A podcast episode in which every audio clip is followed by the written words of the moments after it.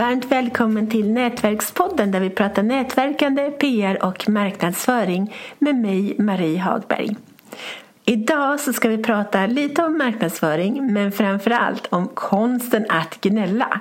Vi har nämligen en väldigt trevlig gäst med oss idag som är känd från både radio, tv och tidningar. Hon är psykolog, psykoterapeut, vann Stora psykologpriset år 2017 och har skrivit flera böcker, bland annat Konsten att gnälla, Stoppa gnäll hos dig och andra.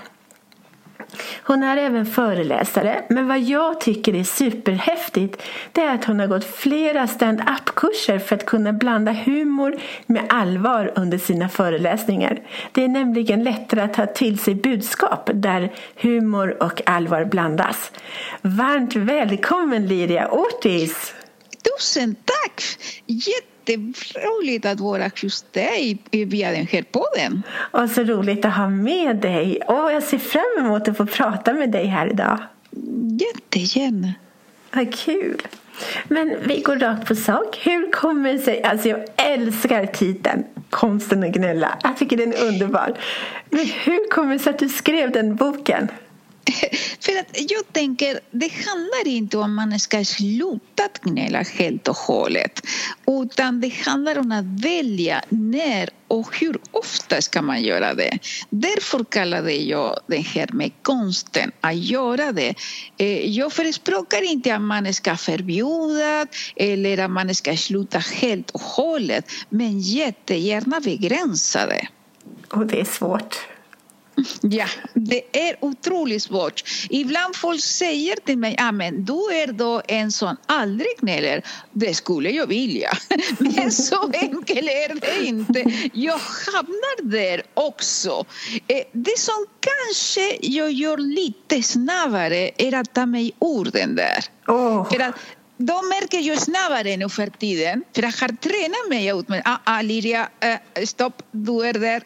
Och då att stoppa mig lite tidigare, om man säger så, och inte fortsätta och fortsätta med, med gnäll. Ja, men gud. Jag försöker också, sen jag läste boken så har jag verkligen försökt att behärska mig att om jag märker att nu så är jag på väg att gnälla, äh. då försöker jag att inte göra det. Och vad gör du då? Hur gör du? Hur stoppar du dig själv? Nej, men jag försöker tänka så här att är det här verkligen intressant att höra för min ah. omgivning? Och det är det ju inte. Ja, ja, precis. Men det är en himla bra strategi. Att, för att huvudregeln är många gånger uppmärksamma och stoppa. Ah. Och ibland kunna till och med ställa till sig själv den här frågan. Vill jag göra den här? Om man tar beslutet, jo, just nu vill jag. Fine, då är det helt okej. Okay.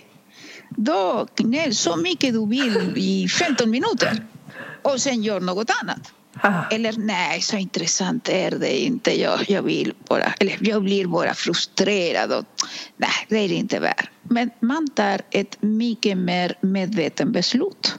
Vad är och vad är inte gnäll? Precis, det är en väldigt bra fråga. För att gnäll handlar om ett repetitivt beteende. Då förklarar jag mig bättre. Det är någonting som man gör väldigt ofta och som inte har som syfte att hitta någon lösning att kunna komma till ett beslut om att göra någonting åt saken. Utan det är ett sätt snarare att reglera sina känslor. Man känner sig missnöjd och då börjar man gnälla men utan något syfte mer än som sagt att i stunden kan kännas lite bättre. Och vad inte är det är inte gnäll när man kämpar för sina eller andra rättigheter eller när man ger konstruktiv kritik. Och en definition av konstruktiv kritik är att man beskriver problemet och man föreslår en lösning på problemet. Så i sådana fall det handlar inte om gnäll. Vad kan man göra då för att stoppa gnäll hos andra? För ibland så blir man ju lite trött. ja, och nyckelordet det är uppmärksamhet. Ju mer uppmärksamhet vi ger till den personen som gnäller, mer gör personen det. Men om vi vänligt men bestämt försöker avleda personen som till exempel genom att säga eh, du, eh, vi har redan pratat om det här några gånger, kan vi prata om något annat? Och kom ihåg, ingenting såklart fungerar alla gånger. Om det här inte fungerar, då ett steg vidare kan vara att säga vet du vad, det känns inte så jättebra för mig när vi pratar igen om det här. Så därför kommer jag stoppa oss just nu och inte prata mer om det. Men det handlar om mig. Om det här inte heller fungerar, då gå därifrån ah, okej, okay, vet du vad, jag måste göra något annat nu. Så det finns olika grader. Jag brukar säga ge personen eh, några minuters vänlighet och lyssna. Men ställ inte några andra frågor som personen kan fördjupa sig i det. Och kom ihåg, nyckelordet det är din uppmärksamhet. Mm. Om du ger uppmärksamhet då kommer det att komma mer av det om du ger mindre uppmärksamhet kommer att komma mindre. Och en sak som jag vill alltid betona, det handlar inte om att straffa personen, inte den lilla minsta, utan att skydda sig själv. Mm. Genom att okej, okay, man lyssnar en stund, eh, man bekräftar när det är så, det är jobbigt att uppleva, känna eller göra det, det här eh, samtidigt som just nu eh, vill jag göra något annat. Och alltid med sina egna ord och formuleringar såklart. Jag kan, jag kan, jag försöker verkligen då att inte gnälla. Men ibland så kan jag bara spinna loss och bara gnälla, gnälla, gnälla. Ja. vad, gör, vad gör man då när man, för att stoppa gnäll hos sig själv? Det första är den här att bli uppmärksam. För att säga att men många gånger, och framförallt när vi gör det väldigt ofta, då noterar vi den där. Att oh, oh, nu är jag här igen. För att när man upprepar ett beteende, är som om man hjärnan uppmärksammar, nu är jag där igen. Och då när man märker sådana signaler är rekommendationen stoppa dig själv. Ah. Ah, nu är jag på det spåret. Okej, okay. Och då pratar du med en annan person kan du säga oj, vet du vad, nu, nu har jag hamnat i gamla spåret. Vi börjar om. Eller ge dig en viss tid. Jag har en väninna som ju äldre vi har blivit, då noterade vi att när vi träffades, det enda som vi kunde göra det var att klaga, gnälla om olika saker. Aha. Och då kom vi överens, okej, okay, vet du vad, 15 minuter och sen pratar vi om något annat. Men då det är den där notera för att börja med, uppmärksamma och sen lägg till strategier som att andas djupt om du vill eller tänka, är det här som jag vill göra egentligen? Eller om jag fortsätter att gnälla nu, blir jag gladare? Många gånger är det svaret nej. Men det som är otroligt centralt tycker jag är att man ska ta ett medvetet beslut. Känner du att du vill göra i den stunden som satt helt okej. Okay. Men många gånger uppmärksammar vi att vi inte mår så bra efter det. Och den enda som inträffar är mer missnöjd i vårt liv. Så, och det kan det vara en motiverande faktor för att stoppa oss själva. Att, att man inte vill bli mer missnöjd. Precis. Precis, för att då mår man sämre. Ja. I och med det som vi pratade om tidigare, det jag uppmärksammar, det jag ger min tid och min energi bara växer upp. Och då om jag inte vill hamna där, då måste jag göra någonting för att stoppa mig själv. Ja. Andra gånger kan det vara, hur kommer det sig att jag är så missnöjd? Och kan jag göra någonting åt det här? För att då kan vi också komma till en annan strategi. Att jo, jag kan förändra det här. Då gör en plan, sök hjälp. Hur kan jag gå vidare? Ja. Eller nej, inte just nu. Okej, okay, då det handlar om att tillämpa acceptans. Jag accepterar den här just nu. Och den här sista är oerhört viktigt. Just nu. Det innebär inte att du ska acceptera en en dålig chef hela ditt liv. Men just nu känner du, jag har inte kraft för att kunna ta itu med den här. Okej, okay, men jag ska börja förbereda mig. Eh, jag kan inte göra någonting mer med chefen men kanske ska börja förbereda mig för att skaffa mig mera kunskaper och kunna lämna den här arbetsplatsen eller vad den handlar om som man behöver göra. Ja, så man fokuserar på någonting annat. Precis, precis. Ja, ja, jag måste lära mig det här. jag också! ja, det är tur. Vad skönt. Mm. Vad gör du? Du har ju nyligen kommit ut med den här boken. Um, vad gör du för att marknadsföra den? Eh, jag gör till exempel, jag deltar i poddar som din podd just nu. Eh, försöker publicera korta eh, videofilmer kring ämnet. Eh, och försöker också komma med boken på Facebook, eh, sociala medier framför allt.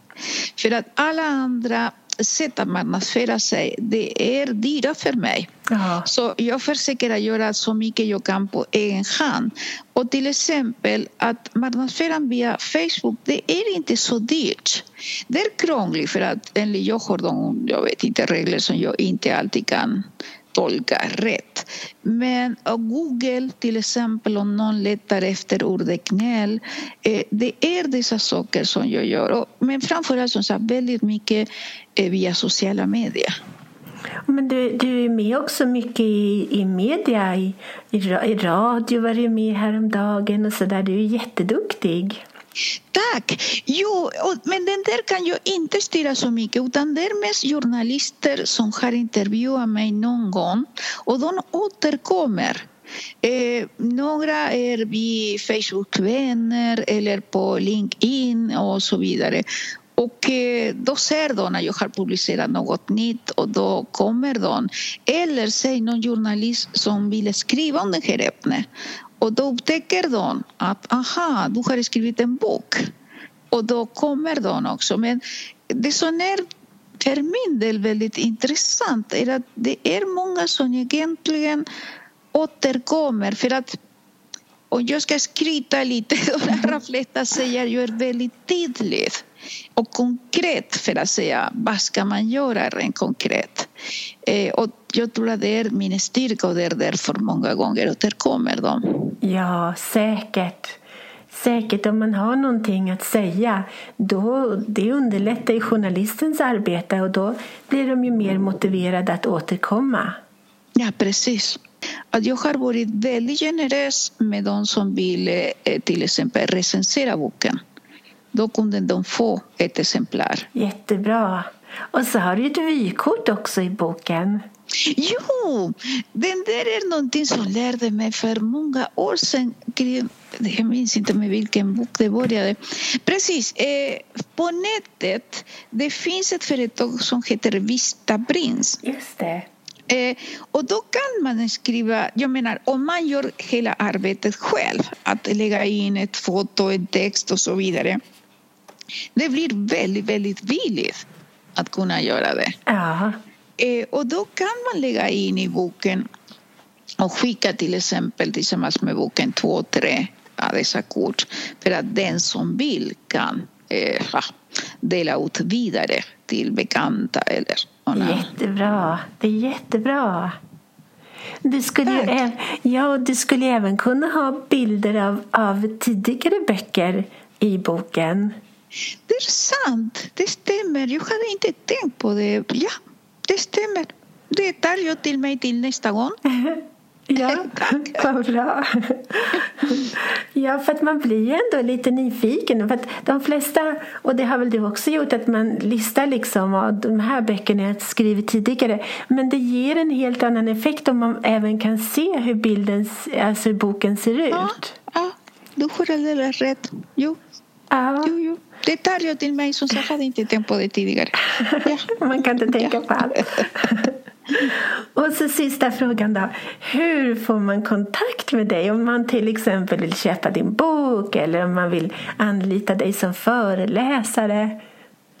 Bästa sättet är att mejla mig till liria.ortis med z till sluten snabela gmail.com. Och sen har jag en egen hemsida också med mitt namn om man vill titta på det. Eller om man gör en sökning på Google då ser man några av mina videos. Jag har också en Youtube-kanal där man kan se mig i action eh, när jag föreläser. Ja, men det är jättebra.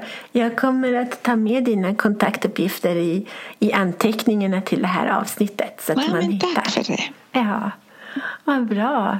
Men stort tack för idag, Liria. Men detsamma. Väldigt fina och bra frågor. Och tack för att du ville ha mig i din podd. Oh, Tusen tack. självklart. Tusen tack själv. Vad så trevligt. Tack. Ha det så gott. Tack detsamma.